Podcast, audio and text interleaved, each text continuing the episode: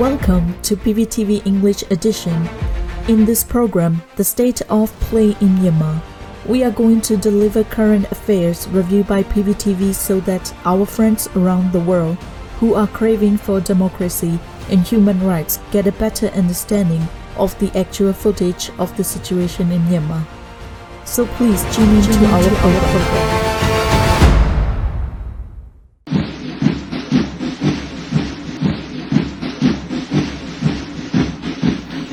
Terrorist military's hit squad. Facing increasing pressure in political, military, and international arena, the terrorist Myanmar military have developed a new tactic to control the civilians through fear.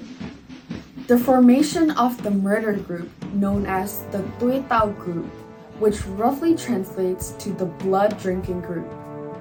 This group has been formed with the sole purpose of murdering members of the NLD party as well as those supporting the national unity government. Multiple killings have already taken place.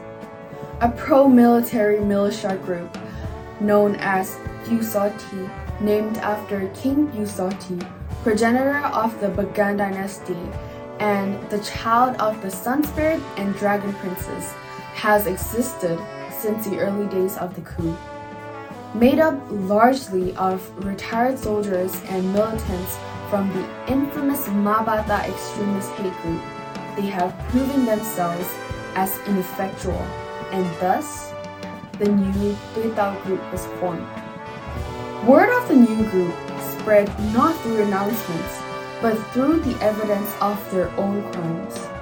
There are witnesses to an incident which took place in Mandalay, wherein a couple who owned the well-known Say Win tea shop were abducted and inhumanely killed by police.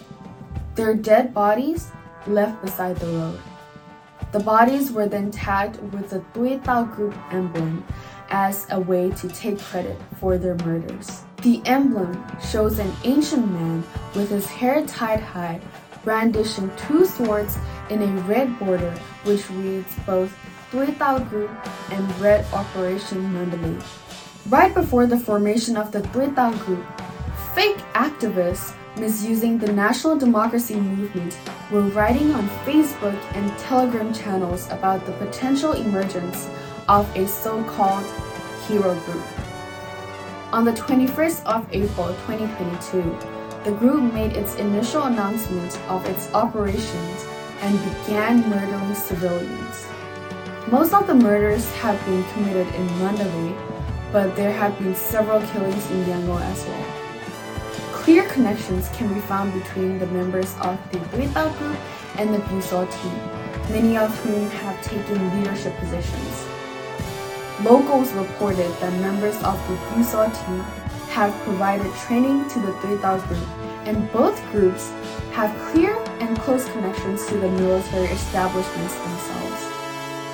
In one clear instance, Aung Kyaw, a pro-military local administrator and trainer in Yangon, was known to be involved with the formation Tui Tao group in Botunzan ward in Dawbon Township under the disguise of charity work.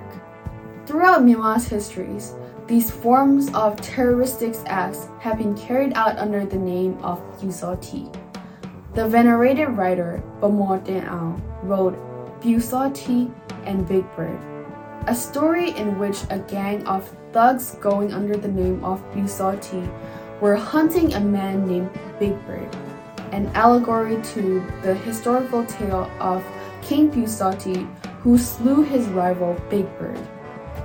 Bamaw Tin writes, quote, The militants who claim to have formed to fight against the insurgents invaded again without giving any house a chance. When the Busoti left Injinkin village, they did not get Big Bird, but some poor Injinkin villagers were left crying, not exactly knowing why. In these lines, it can be seen how readily the name Busoti has been taken throughout history by murderous gangs which kill, rob, and rape. Admission of this policy came from Zaw the military spokesperson, who stated during the press conference held on the 27th of April this year that the military will be using strength of the people to attack the People's Defense Forces. Political analysts presume that the military is losing ground to the PDFs on all fronts.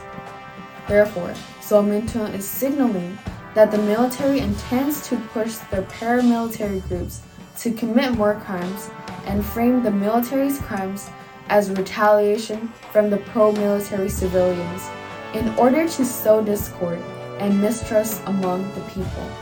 Connecting these dots, it can be inferred that both the Pusaoti and the Duitao group are simply the same organizations with different branding. But whatever name they use, they have dedicated themselves to killing civilians in the political sector, particularly targeting members of the NLD. Indeed, the Duitao group wrote in its Red Operation Alert that they will murder members of the NLD, extremist supporters of the NLD, members of the PDF, and their family members.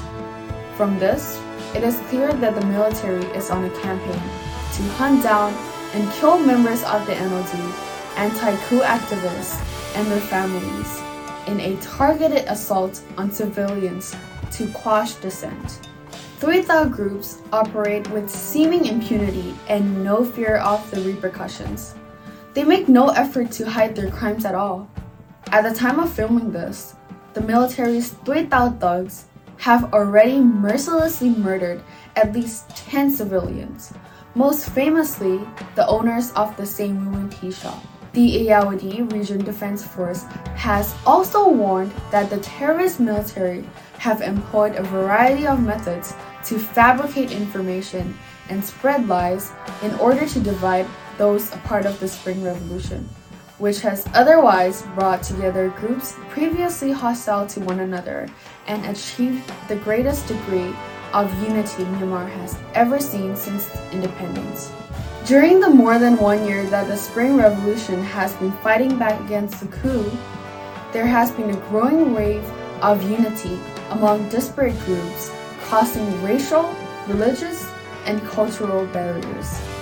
This has driven the nationwide dedication to a single cause democracy. The victory of the National Unity Government is fast approaching. Despite the military's many underhanded attempts to sow fear and impose terrorist tactics, ironically, they have only managed to engender a deeper hatred and resilience among the people more determined than ever to see the dictatorship fall. Ultimately, the Duitao groups and Pusaoti militant groups who followed the inhumane instructions of the terrorist military and engaged in malicious killings and terrorism will be held accountable for their crimes when the Spring Revolution succeeds.